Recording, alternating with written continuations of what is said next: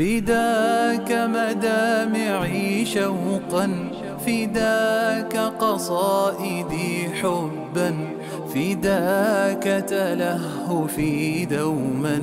لوجهك يا رسول الله أفكر منذ مبعثك فقد أحببت أمتك وقد أديت واجبك. بصدق يا رسول الله. فداك مدامعي شوقا فداك قصائدي حبا فداك تلهفي دوما.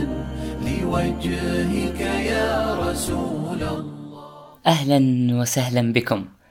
في الحلقة السابعة من حلقات منهاج الحياة لسيرة النبي المختار.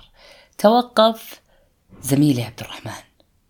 حينما ذكر أن أبو جهل ولى مذعورا ومرت أيام وعاد ليمارس هو وزبانيته نوعا قذرا من الأذى لا يليق إلا بالرعاع إلا بمن لا أخلاق له. يضعون السلأ على ظهره صلى الله عليه وسلم. شاهدهم عبد الله بن مسعود فلم يستطع فعل شيء. كان محطم القلب واليدين وهو يشاهد حبيبه صلى الله عليه وسلم يصلي عند البيت وأبو جهل وأصحابه جلوس وقد نحرت جزور بالأمس. فقال أبو جهل أيكم يقوم إلى سلأ جزور بني فلان فيأخذه فيضعه على كتف محمد إذا سجد. فانبعث أشقى القوم فأخذه فلما سجد النبي صلى الله عليه وسلم ووضعه بين كتفيه فاستضحكوا وجعل بعضهم يميل إلى بعض وأنا قائم أنظر. ولو كانت لي منعة طرحته عن ظهر رسول الله صلى الله عليه وسلم. والنبي ساجد. ساجد ما يرفع رأسه. حتى انطلق إنسان فأخبر فاطمة فجاءت وهي جويرية فطرحت عنه ثم أقبلت عليهم تسبهم. فلما قضى النبي صلى الله عليه وسلم صلاته رفع صوته ثم دعا عليهم. وكان إذا دعا دعا ثلاثا وإذا سأل سأل ثلاثا فقال اللهم عليك بقريش اللهم عليك بقريش اللهم عليك بقريش. فلما سمعوا صوته ذهب عنهم الضحك وخافوا دعوته ثم قال صلى الله عليه وسلم اللهم عليك بأبي جهل بن هشام وعتبة بن ربيعة وشيبة بن ربيعة والوليد بن عتبة وأمية بن خلف وعقبة بن أبي معيط وذكر السابع ولم أحفظه. استنفذ صلى الله عليه وسلم كل الرسائل وكل الوسائل. لم يبقى إلا الدعاء. قريش أصبحت جدارا. أم القرى لهيب نار. اليوم صوتها رمضاء. دروبها عمياء. دروبها حبال. حصار فوقه حصار. تلبد الحصار على كل الجبال. لكنه الإيمان. نبض الموحدين. يمضخ المحال. وفي السماء قطرة. ستغسل الجبال ستزرع الحياة في القلوب وفي كل حبة من الرمال. بعد أن أصبحت قريش جدارا من العناد والحصار لابد من البحث عن الأنصار. جد صلى الله عليه وسلم في البحث عن أنصار يحملون دين الله بقلوبهم يفتش عن أرض وصدور أرحب. ولذلك انطلق النبي صلى الله عليه وسلم في طائفة من أصحابه عامدين إلى سوق عكاظ وقد حيل بين الشياطين وبين خبر السماء وأرسلت عليهم الشهب. فرجعت الشياطين فقالوا ما لكم ما لكم؟ قالوا حين بيننا وبين خبر السماء وأرسلت علينا شهب. قال ما حال بينكم وبين خبر السماء إلا ما حدث. فاضربوا في مشارق الأرض ومغاربها. فانظروا ما هذا الأمر الذي حدث. فانطلقوا يضربون مشارق الأرض ومغاربها ينظرون ما هذا الأمر الذي حال بينهم وبين خبر السماء. فانطلق الذين يتوجهون نحو تهامة إلى النبي صلى الله عليه وسلم وهو عامد إلى سوق عكاظ يصلي بأصحابه صلاة الفجر. فلما سمعوا القرآن تسمعوا له فقالوا هذا الذي حال بينكم وبين خمر السماء فهناك فهناك رجعوا إلى قومهم فقالوا إنا سمعنا قرآنا عجبا فآمنا به ولن نشرك بربنا أحدا فأنزل الله عز وجل على نبيه صلى الله عليه وسلم قل أوحي إلي أنه استمع نفر من الجن فقالوا إنا سمعنا قرآنا عجبا يهدي إلى الرشد فآمنا به ولن نشرك بربنا أحدا وأنه تعالى جد ربنا ما اتخذ صاحبة ولا ولدا. الجن آمنوا بهذا النبي ولم تؤمن قريش.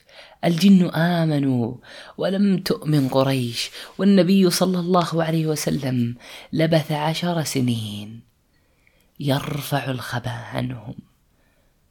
يدور في الخيام في الطرقات يحط كالمطر على الربيع والضباء لينعم الجميع. كان صلى الله عليه وسلم لطيفا لينا في حديثه يحترم من أمامه ويدعوه بأحب الأسماء إليه.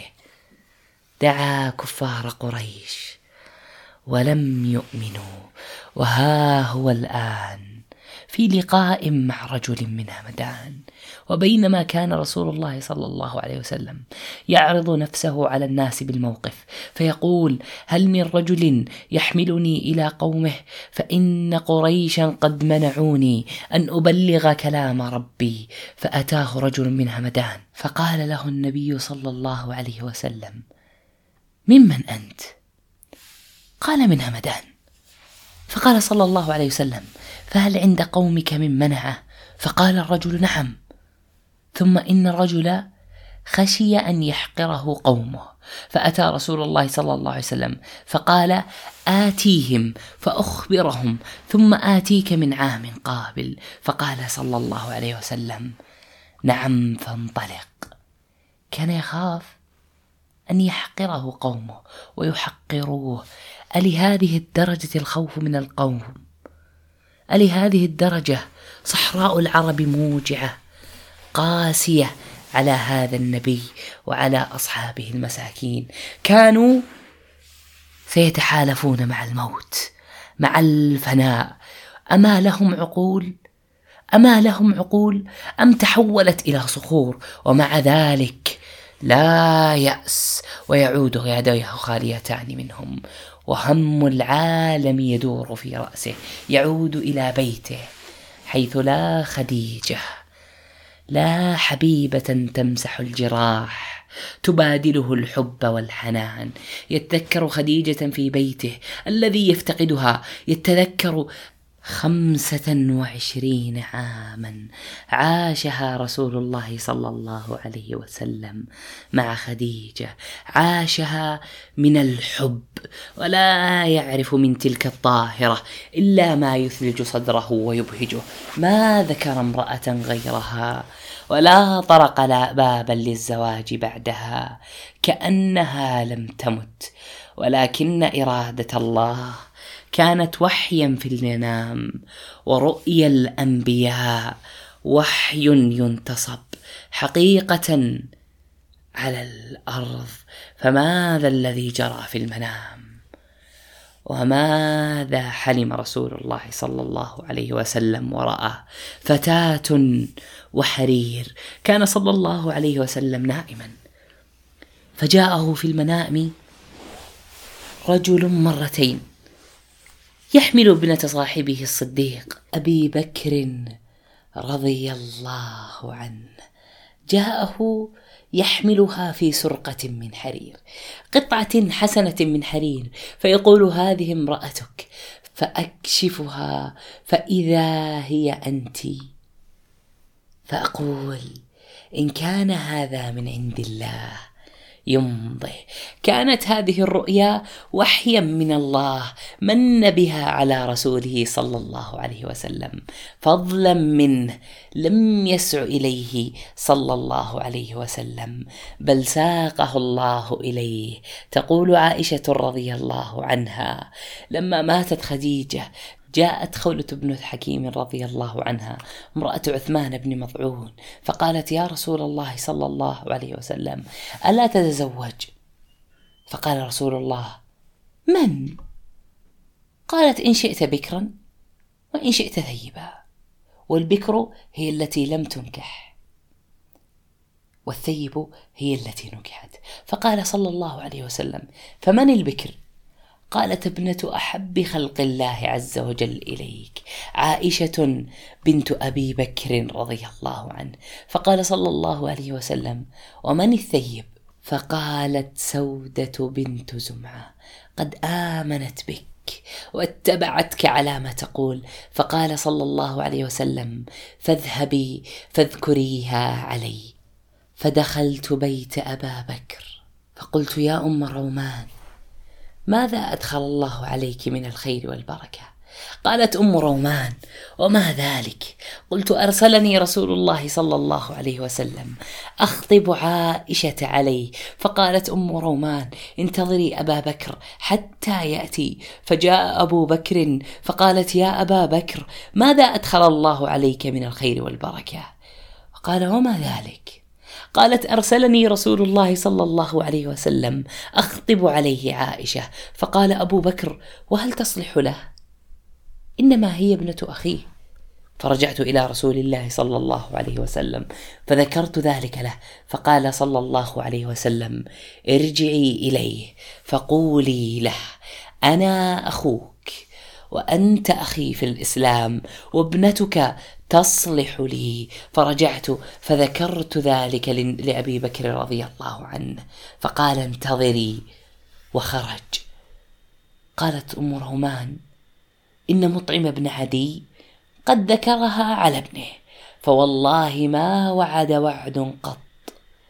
فأخلفه لأبي بكر. فدخل أبو بكر رضي الله عنه على مطعم بن عدي وعنده امرأته أم الفتى فقالت يا ابن أبي قحافة لعلك مصب صاحبنا مدخله في دينك الذي أنت عليه إن تزوج إليك. فقال أبو بكر للمطعم بن عدي أقولا؟ هذا تقول. ثم قام أبو بكر وما فيه في نفسه من الوعد الذي وعده شيء. فرجع فقال لخولة بنت حكيم ادعي لي رسول الله صلى الله عليه وسلم. فدعته فزوجها إياه عائشة وعائشة يومئذ بنت ست سنين ثم خرجت فدخلت على سودة ابنة زمعة فقالت يا سودة ماذا أدخل الله عليك من الخير والبركة؟ فقالت سودة وما ذلك؟ قالت أرسلني رسول الله صلى الله عليه وسلم. أخطبك عليه قالت وددت ادخلي إلى أبي فاذكري له ذلك وكان شيخا كبيرا. قد أدركه السن قد تخلف عن الحج فدخلت عليه فحييته بتحية الجاهلية فقال من هذه؟ قلت أنا خولة بنت حكيم. قال فما شأنك يا خولة؟ قالت أرسلني محمد بن عبد الله أخطب عليه سوده قال كفء كريم. ماذا تقول صاحبتك؟ أبو سودة يقول كفء كريم. ثم قال لها ما تقول صاحبتك؟ فقالت خولة تحب ذلك. قال ادعيها إلي. فدعت فدعيتها. قال أي بنيه إن هذه تزعم أن محمد بن عبد الله بن عبد المطلب قد أرسل إليك يخطبك وهو كفء كريم. أتحبين أن أزوجك إياه؟ قالت سودة. نعم. فقال الشيخ خوله ادعيه إلي. فجاءه صلى الله عليه وسلم فزوجه إياها. فجاء أخوها عبد بن زمعة من الحج فجعل يحثي في رأسه التراب فقال إني لسفيه حينما كنت أحثي في رأس التراب. تزوج رسول الله صلى الله عليه وسلم. سودة ابنة زمعة. ودخلت سودة بنت زمعة. بيت رسول الله صلى الله عليه وسلم. أول امرأة بعد خديجة. وكانت مثل خديجة. قد سبق لها الزواج برجل قبل رسول الله صلى الله عليه وسلم. وربما كانت أسن منه. أما عائشة رضي الله عنها تقول تزوجني رسول الله صلى الله عليه وسلم. متوفيا خديجة قبل مخرجه إلى المدينة بسنتين وأنا بنت سبع سنين ودخل بي وأنا بنت تسع سنين ودخلت سودة إلى بيته صلى الله عليه وسلم تصلح من شأنه وترعاه وتزيح عنه الأذى والكدر الذي يلاحقه في شوارع مكة المكرمة. رسول الله صلى الله عليه وسلم رسول وعروس ولكن عروس أصبح صلى الله عليه وسلم عروسا يبتهج بحياته الجديدة كما تبتهج زوجته به لكنهما عريسان الكفاح يريدون جعل أرض الله. كلها اعراسا كلها أفراح. لكن كيف يتم ذلك؟ والأصنام أطناب خيمة تمنح السواد عن أرض تمنع الضياء. تحرم العباد وتحرمهم نشوة الحياة. تملأ الطريق نحو الله بالوحوش. نعم. طريق الله عز وجل كان موحشا حيث كانت الأصنام. منصوبة حول الكعبة. وحمل رسول الله صلى الله عليه وسلم ثياب عرسه واتجه نحو تجمعات القوم من جديد فلم يكن للعرس لذة والناس محرومون من لذة الإيمان. فالتوحيد كالهواء فالتوحيد كالماء في الهواء. لا بد أن يدخل كل بيت ويعمر كل قلب وعلى حامله أن يحفر القناة بمعوله بيديه بأظافره فالناس عطشا والأرض جفاف الناس عطشا والأرض جفاف اتجه صلى الله عليه وسلم إلى قبائل العرب يرافقه أبو بكر الصديق رضي الله عنه ابن أخيه معهم علي بن أبي طالب رضي الله عنهما. فكانت هذه القصة المنسوجة بالأشعار والأنساب. يقول علي رضي الله عنه لما أمر الله تبارك وتعالى صلى الله عليه وسلم أن يعرض نفسه على قبائل العرب وأنا معه وأبو بكر رضي الله عنهما. فدفعنا إلى مجلس من مجالس العرب فتقدم أبو بكر وكان مقدما في كل خير كان رجلا نسابه فسلم وقال ممن القوم؟ قالوا ربيعة. فقال أبو بكر وأي ربيعة أنتم؟ كان أبو بكر يحرف الأنساب فكان يسأل كل القبائل فكان, فكان يسألهم من أي قبيلة أنتم؟ فأجابوا من ربيعة فقال أم من هامها؟ أم من لهزامها؟ فقالوا من الهامة العظمى نحن من الهامة العظمى. فقال أبو بكر رضي الله عنه وأي هاماتها العظمى أنتم؟ قالوا من ذهل الأكبر. فقال أبو بكر منكم عوف؟ الذي يقال فيه لا حرا بوادي عوف. فقالوا لا. قال فمنكم جساس بن مرة حامي الضمار ومانع الجوار؟ قالوا لا. قال فمنكم بسطام بن قيس أبو اللواء ومنتهى الأحياء؟ قالوا لا. قال فمنكم الحوفزان قاتل الملوك وسالبها أنفاسها؟ قالوا لا. قال فمنكم المزدلف صاج العمامة الفردة قالوا لا. قال أخوال الملوك من كنده. قالوا لا. قال أصحاب الملوك من لخم. قالوا لا. قال فلستم من ذهر الأكبر. أنتم من ذهر الأصغر. فقام إليه غلام من بني شيبان. يقال له دغفل كان دغفل متغير الوجه. وكان ينظر أبا بكر. قال يا هذا إن على سائلنا أن نسأله. وعلينا أن نعرف أو لا نجهله. يا هذا قد سألتنا فأخبرناك ولم نكتم عنك شيئا. فممن الرجل؟ قال أبو بكر. أنا من قريش. قال الفتى. بخ بخ أهل الشرف والرياسة فمن أي القرشيين أنت؟ قال أبو بكر. ولد تيم بن مرة. فقال الفتى. أمكنت والله الرامي من سواء الثغرة أمنكم قصي أمنكم قصير الذي جمع القبائل من فهر فكان يدعى في قريش مجمعا فقال أبو بكر لا. فقال فمنكم هشام الذي هشم الثريد لقومه فقال لا. قال فأنتم من أهل الإفاضة؟ قال لا. قال فأنتم من أهل الحجابة؟ قال لا. قال فمن أهل السقاية. قال لا. قال فمن أهل الندوة. قال لا. قال فمن أهل الرفادة. قال لا. فاجتذب أبو بكر رضي الله عنه زمام الناقة. راجع إلى رسول الله صلى الله عليه وسلم. فقال الغلام صادف دار السيل. درءا يدفعه.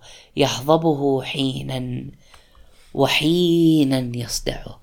صادف. درء السيل درءا يدفعه يحضبه حينا وحينا يصدعه.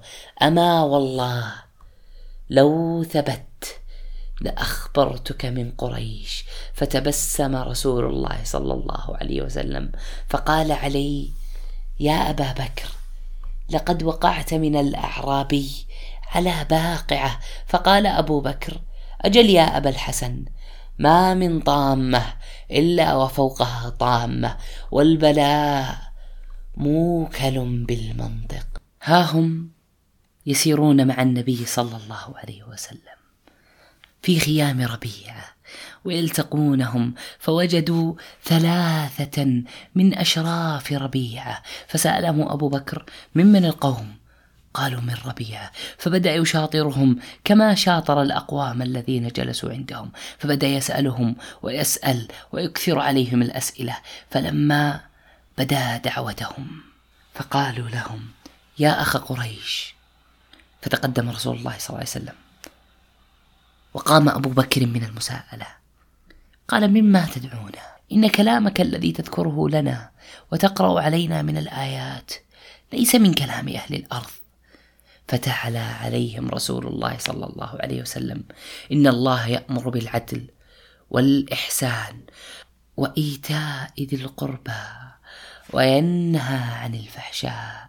فقال مفروق أحد هؤلاء الثلاثة والله يا أخ قريش لقد دعوت إلى مكارم الأخلاق ومحاسن الأعمال ولقد أفك قوم كذبوك وظاهروا عليك. ثم قال الآخر هاني بن قبيصة لقد سمعت مقالت لقد سمعت مقالتك يا اخ قريش.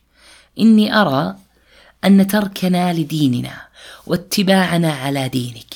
لمجلس جلسته إلينا ما له أول ولا آخر. يا أخا قريش إني أرى أن تتركنا. نرجع إلى من وراءنا. ونكلمهم ونشاورهم وكأنه أحب أن يشرك المثنى بن حارثة. فقال وهذا المثنى بن حارثة وأحد وهو أحد أولئك الثلاثة من عتبة. شيخنا وصاحبنا وحربنا فقال المثنى بن حارثة سمعت مقالتك يا أخ قريش. والجواب في جواب هانئ بن قيبصة في تركنا ديننا ومتابعتك في دينك وإنما نزلنا بين صرين اليمامة والسمامة. فقال رسول الله صلى الله عليه وسلم ما هذان الصران فقال المثنى إنها أنهار كسرى مياه العرب.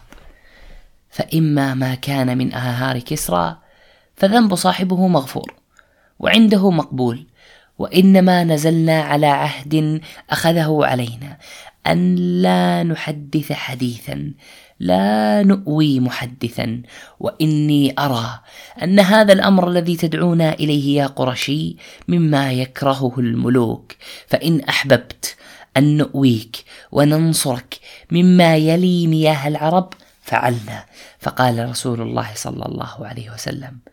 ما أسأتم في الرد إذ أفصحتم بالصدق وإن دين الله عز وجل لن ينصره إلا من أحاطه من جميع جوانبه.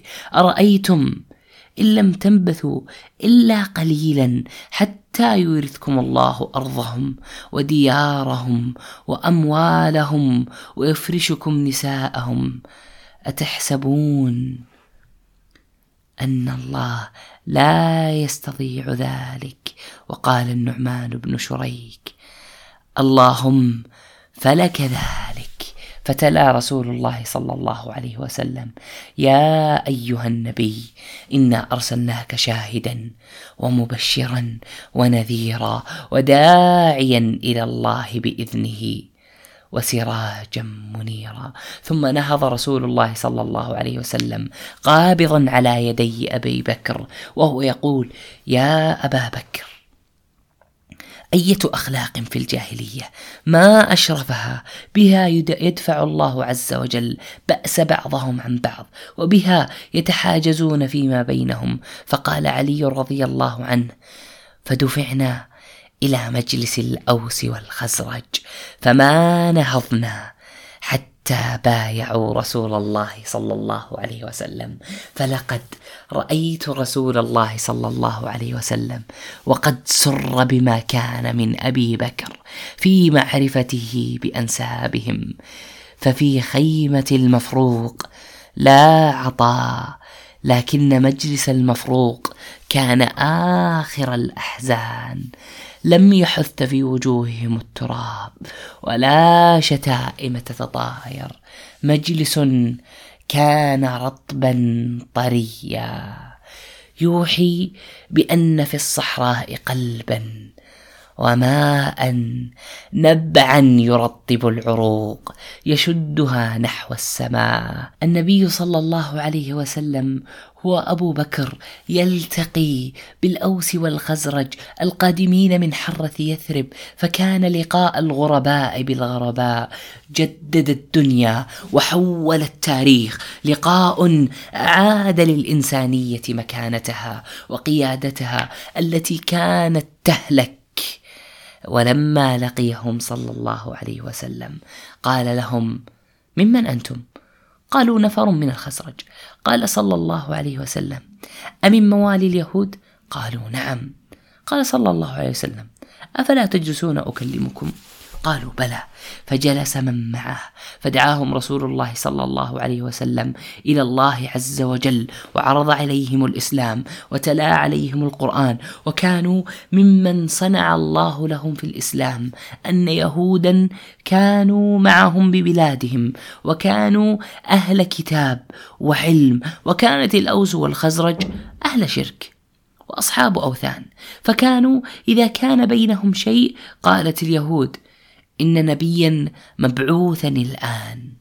قد أضل زمانه.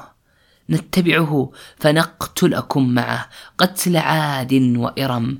فلما كان رسول الله صلى الله عليه وسلم وأولئك النفر حينما دعاهم إلى الله عز وجل فقال بعضهم لبعض يا قوم اعلموا والله أن هذا الذي توعدكم به اليهود فلا يسبقونكم إليه فأجابوه لما دعاهم إلى الله عز وجل وقبلوا منه ما عرضه عليهم من الإسلام وقالوا له إنا قد تركنا قومنا ولا قوم بيننا وبينهم عداوة وما يوجد بيننا وبين الشر من بينهم وعسى الله عز وجل أن يجمعهم بك وسنقدم عليهم وندعوهم إلى أمرك ونعرض عليهم الذي أجبناك إليه من هذا الدين. فإن يجمعهم الله عليك فلا رجلا أعز منك. ثم انصرفوا عن رسول الله صلى الله عليه وسلم راجعين إلى بلادهم. قد آمنوا وصدقوا ولما وصلوا إلى يثرب تسلل إلى قلوب بعض قومهم فاستجابوا له وأسلموا. فصار في تلك الديار من يعبد الله عز وجل وحده لا يشرك به شيئا ويصلي على رسول الله صلوات ربي وسلامه عليه. عليه. فلما كان موسم الحج التالي قدمت مطايا يثرب. من المشركين تحج مكة وكان بين الركب. مطايا للموحدين. وفد يثرب من الأنصار. مشوا إلى رسول الله صلى الله عليه وسلم بعد انقضاء شعائر الحج. غسلوا أيديهم من دماء الثارات والعنف الجاهلي بماء زمزم. ماء زمزم الطاهر. غسلوه ومدوها إلى رسول الله صلى الله عليه وسلم. طاهرة يبايعونه ليلا وعيون مكة نائمه عما يجري على أرض العقبة. عقبة أولى. ولما رأى صلى الله عليه وسلم. أيديهم تصل إليه إذعانا وامتثالا لله ورسوله. قال لهم صلى الله عليه وسلم تعالوا بايعوني على أن لا تشركوا بالله شيئا ولا تسرقوا ولا تزنوا ولا تقتلوا أولادكم ولا تأتوا بهتانا بين أيديكم وأرجلكم ولا تعصوني في معروف فمن وفى منكم فأجره على الله.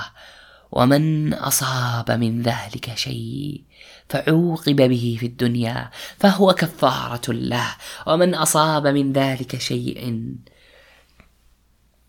ومن أصاب من ذلك شيئا فستره الله فأمره إلى الله. إن شاء عاقبه وإن شاء عفى عنه فبايعوه. وشدت الأيدي للنهوض بالحق وبذله للجميع لجميع شعوب الأرض والرجال مبايعون في العقبة الأولى. كانوا قليل قليل يقول أحدهم عبادة بن الصامت. كنت في من حضر العقبة الأولى وكنا اثني عشرة رجلا. حملهم الأنصار وابتهجوا بهم وكانت فخرهم عندما يلوح الرجال بإنجازاتهم أمام الجميع. يقول أحدهم وهو كعب بن مالك ولقد شهدت مع النبي صلى الله عليه وسلم ليلة العقبة حين تواثقنا على الإسلام وما أحب إلي أن لي بها مشهد بدر وإن كانت بدر أذكر في الناس منها وهو ممن شهد العقبة وممن شهد أيضا جابر بن عبد الله الأنصاري القائل أنا وأبي وخالي من أصحاب العقبة والقائل شهد بي خالاي العقبة. تلك بيعة حطمت جدرانا سوداء تحجب عن الدنيا أنوارا للآخرة. بيعة توقظ بيعة تهز هذا الإنسان الرث المتلحف بقشور السنين المظلمة. تقول له هذا ربك فاعبده وحده وأنت خليفته وسيد كونه فاجعله ربيعا يبتسم. وهذا مالك منثور في كل مكان. ابحث عنه التقطه ودع غيرك يبحث ولا تمدن يديك إلى ما في يد غيرك حتى تكون خليفة حقا وسيدا للكون أيضا. وتزوج فالحب أنفاس الحياة فلا تلوث برائحته البغايا. فلا تلون براحيته. البغايا المنتنة. إنها بيعة تلاحق ذلك الرجل المتجه كالغضب نحو المقابر تمسك به وتهز كتفيه وتصرخ في وجهه. ويحك ويحك ما الذي تحمله على ظهرك؟ قاصدا تلك المقابر. ويحك قف إنه ما زال حيا انها ابنتك ونبض قلبك شريانك ودمك ماذا جنت حتى تهيل التراب عليها وهي شاخصة تبلل لحيتك وقبرها بدموعها تناشدك شيئا من حنان مبادئ عظيمة قبض عليها الأنصار بأيديهم وحملوها إلى يثرب. فلما أروها بعض قومهم قدموا إلى مكة طمعا في مثلها. فكان يأتيه الرجل فيؤمن به فيقرئه القرآن فينقلب إلى أهله فيسلمون بإسلامه حتى لا يبقى دار من دور يثرب إلا فيها رهط من المسلمين. يظهرون الإسلام ويبتهجون بتلك المبادئ التي غرسها في أعماق هذا الدين المدهش. حفظت لهم أعراضهم وأموالهم لا فرق بينهم جميعا لكن أكرمهم عند الله أتقاهم. ومع ذلك كانوا بحاجة إلى معلم يقرأ عليهم كتاب الله. اقرأوا القرآن عليه فيسلم هو وتسلم عائلته حتى حتى أصبحت بيوت المسلمين في المدينة كثيرة جدا بيوت كثيرة جدا مسلمة حتى أصبح لا بد من معلم يعلمهم القرآن. فبعثوا إلى رسول الله صلى الله عليه وسلم أن ابعث إلينا رجلا من قبلك فدعا الناس بكتاب الله فإنه أدنى أن يتبع. فبعث رسول رسول الله صلى الله عليه وسلم مصعب بن عمير آخى بني عبد النجار. فنزل في بني غنم على أسعد بن زرارة. نزل مصعب بن عمير فجعل يدعو الناس سرا فيفشي الإسلام ويكثر أهله وهم في ذلك مستخفئين بدعائهم. لم تخلو حياة ذلك المعلم الغريب من معاناة غربة مصعب هو بعيد عن مكة بعيد عن رسول الله. ظهره مكشوف للجميع لا يملك شيئا لا أهل. ولا مال ولا سلاح. كل ما يملكه كانت رسالة ربه. هي زاده هي سلاحه يقتحم الأهواء بها. لا يأبه إن ضرب أو مات. فما خرج من مكة يبحث عن حطام الدنيا بل كان يتحسس حطام القلوب والأرواح ليجمعها من جديد. ليجمع تلك الأرواح الشتى من جديد. كان يحمل الحياة في هوة الممات يردمها ثم يزرعها للجميع. خضراء أشرقت يثرب بمصعب بن عمير لكن من يحملون في صدورهم صخورا ساءتهم تلك البهجة. في ذلك الإخضرار فأخبروا سيدا لهم ليضع للأمر حد ولمصعب ومن معه نهاية يقفون عندها وكان اسم سيدهم سعد بن معاذ فأتاهم في لامته. لبس الحرب معه الرمح حتى وقف عليهم فقال لأسعد بن زرارة على ما تأتينا في دورنا؟ بهذا الوحيد الفريد الطريح الغريب يسفه ضعفاءنا بالباطل ويدعوكم إليه. لا أراكم بعدها بشيء من جدارنا. لا أراكم بعدها بشيء من جوارنا. فارجعوا. فرجعوا ثم عادوا مرة ثانية فتواعدهم دون تواعده الأول. فلما رأى أسعد بن زرارة منه لينا قال له يا ابن الخالة اسمع من قوله فإن سمعت منكرا فرده بأهدى منه وإن سمعت حقا فأجب له. فقال سعد ماذا يقول؟ فقرأ عليه مصعب بن عمير حاميم. والكتاب المبين. إنا جعلناه قرانا عربيا لعلكم تعقلون. فقال سعد بن معاذ ما أسمع إلا ما أعرف. فرجع. وقد هداه الله تعالى ولم يظهر لهم الإسلام حتى رجع إلى قومه فدعا بني الأشهل إلى الإسلام وأظهر إسلامه وقال من شك فيه من صغير أو كبير أو أنثى أو ذكر فليأتيني بأهدى منه نأخذ به فوالله لقد جاء أمر لتحزن فيه الرقاب لقد جاء بأمر لتحزن فيه الرقاب فأسلمت بنو عبد الأشهل عند إسلام سعد بن معاذ ودعائه إياهم إلا من لم يذكر فكانت أول دور من دور الأنصار أسلمت بأسرها ثم إن بني النجار أخرجوا مصعب بن عمير واشتدوا على أسعد بن زرارة فانتقل مسعد بن عمير إلى سعد بن معاذ فلم يزل عنده ويهدي الله على يده حتى حتى قل دار من دور الأنصار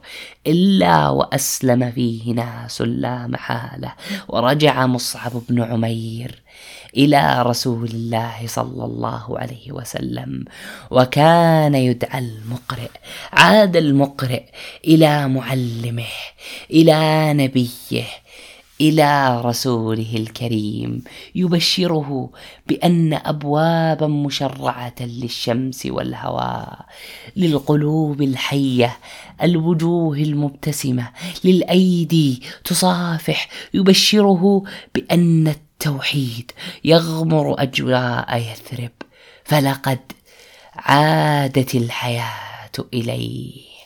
عادت الحياة إلى يثرب من جديد. أما قريش فقد كانت أسوأ مما تركها عليه. لقد تحولت في وجه رسول الله صلى الله عليه وسلم وصحبه إلى سدود حديدية صلبة وأقفال لا مفاتيح لها. كان المشركون صامتون مخيفين.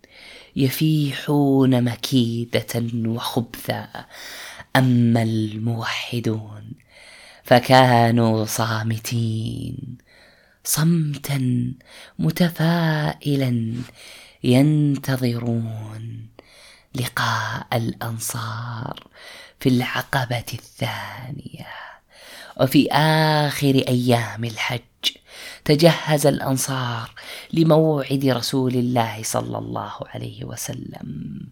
يقول كعب بن مالك حينما وعدنا رسول الله صلى الله عليه وسلم العقبة أوسط أيام التشريق ونحن سبعون رجلا للبيعة ومعنا عبد الله بن عمرو بن حرام أبو جابر وإنه لعلى شركه. فاخذناه فقلنا يا أبا جابر يا أبا جابر والله إنا لنرغب بك أن تموت على ما أنت عليه فتكون لهذه النار غدا حطبا. وإنا والله قد بعث إلينا رسول يأمر بالتوحيد. وبعبادة الله. وقد أسلم رجال من قومك. وقد واعدنا رسول الله صلى الله عليه وسلم. وواعدناه للبيعه فأسلم واطهر فأسلم وطهر ثيابه. وحضر معهم. فكان نقيبا. ولما كانت الليلة التي واعد بها رسول الله صلى الله عليه وسلم الأنصار بمنى وأول ليلة مع قومهم فلما استثقل الناس في النوم تسللنا من قريش تسلل القطى حتى إذا اجتمعنا بالعقبة فأتينا رسول الله صلى الله عليه وسلم وعمه العباس وليس معه أحد غيره. أحب العباس أن يحضر مع ابن أخيه. فكان أول متكلم. فقال العباس إن محمدا منا حيث قد علمتم وهو في منعة من قومه وبلاده وقد منعناه مما هو عليه مثل ما رأينا فيه وقد أبى إلا الانقطاع إليكم وإلى ما دعوتموه إليه فإن كنتم ترون أنكم وافون له بما دعوتموه فأنتم وما تحملتم وإن كنتم تخشون من أنفسكم خذلانا فاتركوه في قومه فإنه في منعة من عشيرته وقومه فقلنا قد سمعنا ما قلت. تكلم يا رسول الله. فتكلم صلى الله عليه وسلم ودعا إلى الله عز وجل وتلا القرآن ورغب بالإسلام فأجبناه بالإيمان والتصديق. فقلنا يا رسول الله خذ لربك ولنفسك. فقال إني أبايعكم على أن تمنعوني مما منعت منه أبناءكم. ونساءكم أبايعكم على أن تمنعوني مما منعتم منه أبناءكم ونساءكم فأجابه البراء فقال نعم والذي بعثك بالحق ما نمنع منه إزرنا فنبايعك يا رسول الله فنحن والله أهل الحرب وأهل الحلقة ورثناها كابرا عن كابر فعرض في الحديث أبو الهيثم بن التيهان فقال يا رسول الله إن بيننا أقواما بيننا وبينهم حبال فإن قاطعوها فهل عسيت إن يظهرك الله أن ترجع إلى قومك وتدعنا فقال صلى الله عليه وسلم بل الدم الدم والهدم الهدم أنا منكم وأنتم مني أسالم ما سالمتموه وأحارب ما حاربتم. فقال البراء ابسط يدك يا رسول الله صلى الله عليه وسلم ابسط يدك نبايعك. فقال الرسول أخرجوا إلي اثنا عشر رقيبا فأخرجوا له. وكان نقيب بني عبد النجار أسعد بن زرارة وكان نقيب بني سلمة البراء بن معرور وعبد الله بن عمرو بن حرام وكان نقيب بني ساعدة سعد بن عبادة والمنذر بن عمرو وكان نقيب بني زريق رافع بن مالك بن العجلان وكان نقيب بني حارث بن الخزرج عبد الله بن رواحة وسعد بن الربيع وكان نقيب القوافل القافل بن عوف بن الخزرج عبادة بن الصامت. وفي الأوس من بني عبد الأشهل أسيد بن حضير وأبو الهيثم بن التيهان ونقيم بني عمرو بن نوفل.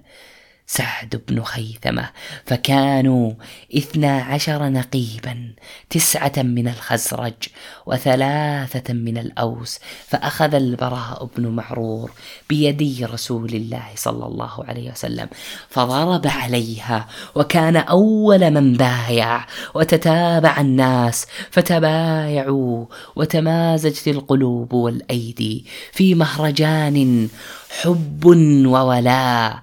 ثلاثة الأيدي. كانت في تمازجها تخلق مخلوقا مخيفا. تخنقه مخلوق مخيف لا يرى ولا يبصر ولا يسمع منه شيء. حشرته بيعة العقبة حشرته جعلته جمرا محترق فصرخ يدعو جيشه المشركة لتطفئ ما به من حريق. لقد كان ذلك الصارخ هو العدو الأول للإنسانية كلها. الشيطان يصرخ يحاول إيقاف غطيط المشركين. علهم ينتبهون لما يجري حولهم. يقول كعب بن مالك فصرخ الشيطان على العقبة بأبعد والله صوت ما سمعته قط. فقال يا أهل الجباجب يا أهل الجباجب هل لكم في مذمم هل لكم في مذمم؟ ما يقول محمد ما يقول محمد. والصباء قد اجتمعوا على حربكم.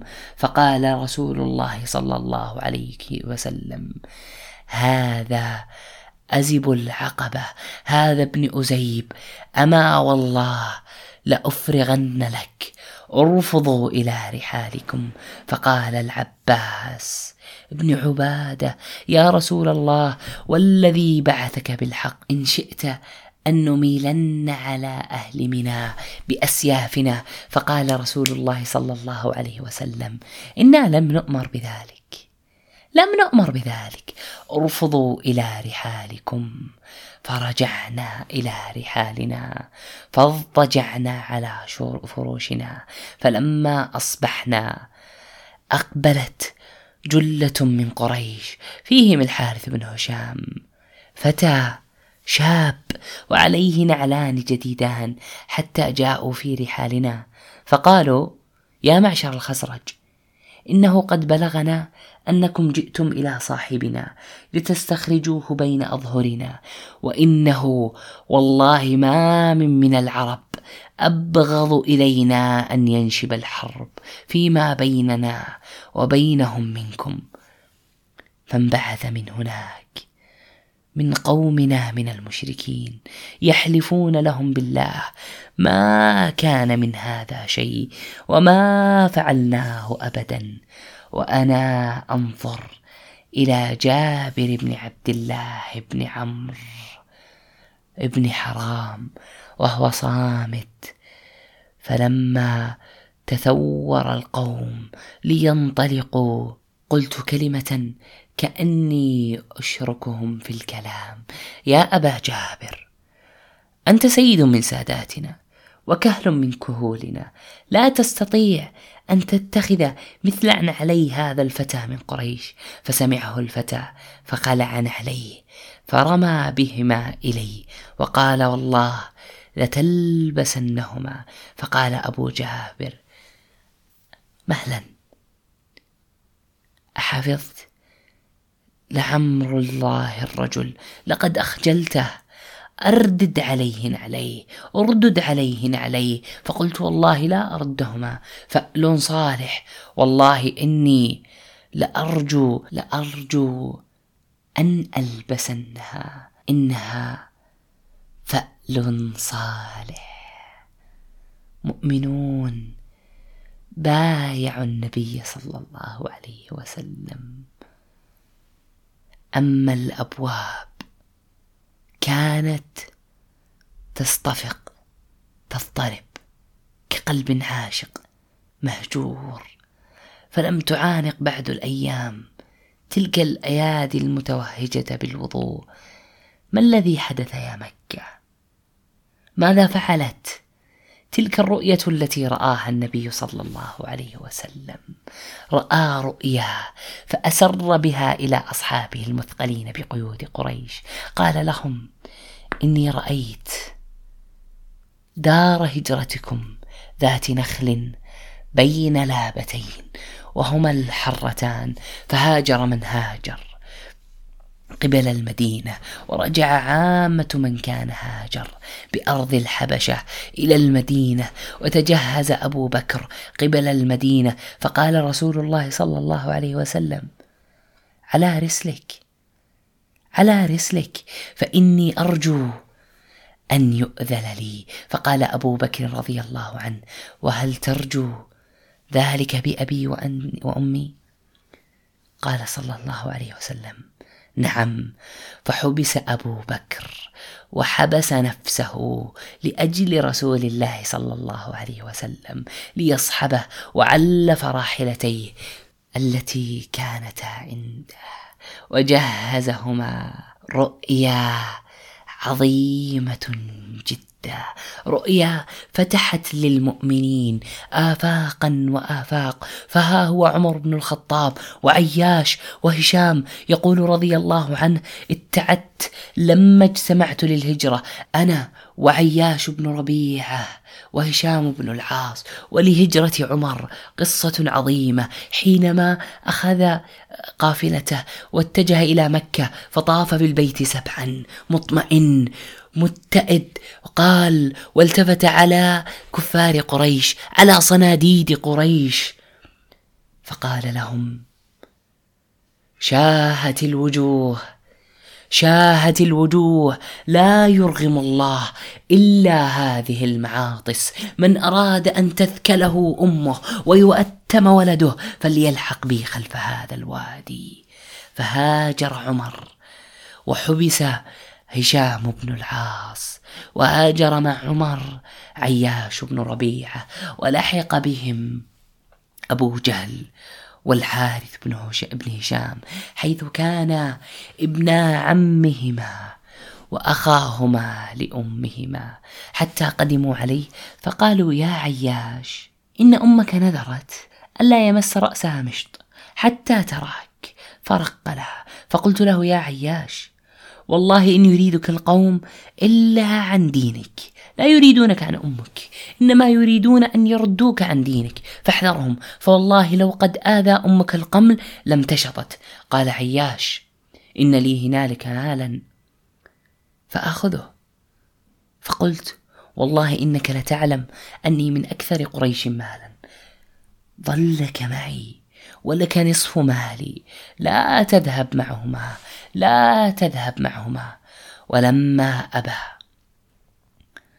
فقال أما إذا فعلت ما فعلت فخذ ناقتي هذه فإنها ذلول فالزم ظهرها فإن رابك من القوم ريب فانج عليها فخرج معهما وهو عليها حتى إذا كانا ببعض الطريق.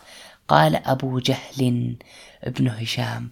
والله لقد استبطأت بعيري هذا.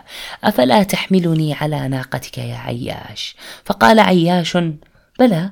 فلما أناخ وأناخا فتحولا عليه وأمسكاه وأوثقاه ثم أدخلاه مكة وفتناه فافتتنا به.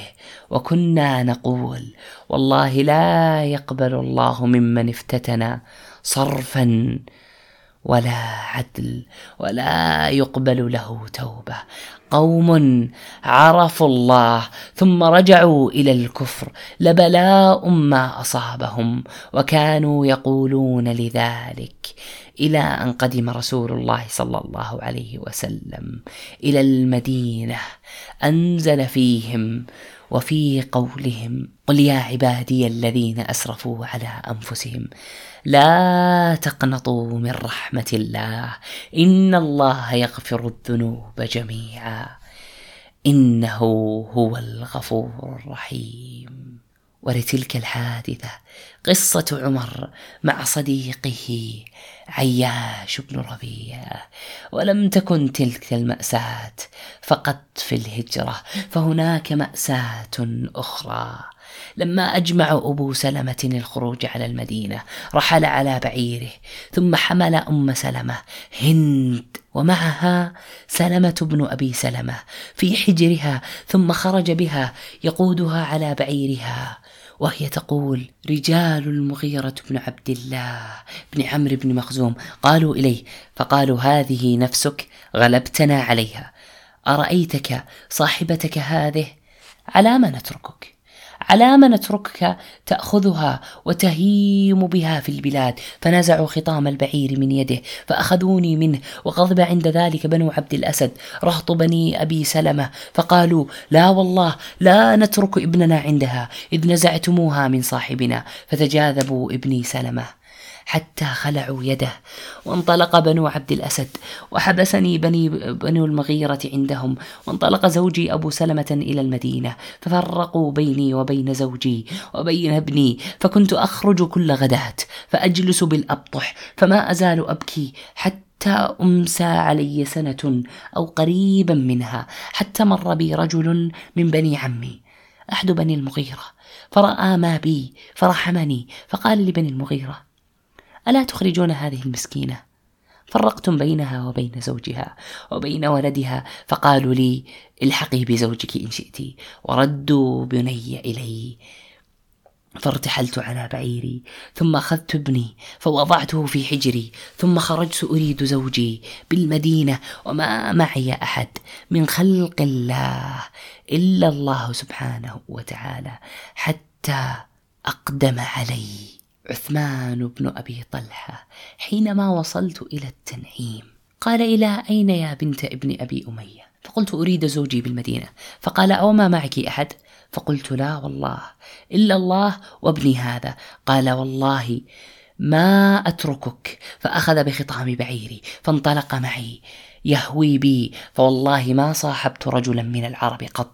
أرى أنه أكرم منه. كان إذا بلغ المنزل أناخ بي. ثم استخار عني. حتى إذا نزلت واستخار بعيري. فحط عنه. ثم قيده في الشجرة. ثم تنحى إلى شجرة بعيدة. فأضطجع فأضطجع في الشجرة القريبة. وهو في مكان بعيد. فإذا دنا الرواح قام إلى بعيري فقدمه فراحلته فأراحله ثم استخار عني وقال اركبي. فإذا ركبت واستويت على بعيري أتى فأخذ بخطامه فقادها حتى نزل بها إلى المدينة. نزل بي إلى المدينة. والله ما صاحبت رجلا. أكرم منه عثمان بن أبي طلحة رجل من العرب قادة نخوته ومروءته مآسي أم سلمة.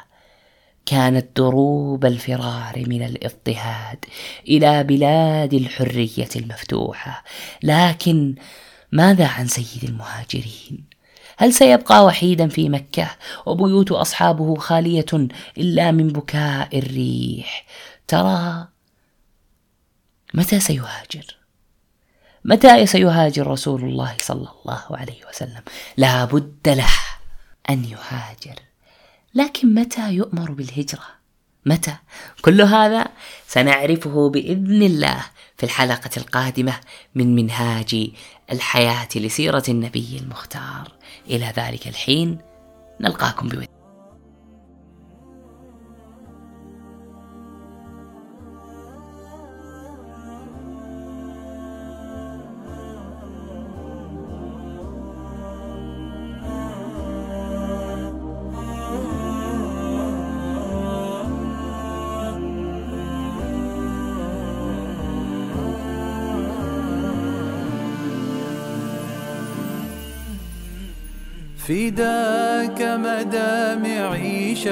شوقا فداك قصائدي حبا فداك تلهفي دوما.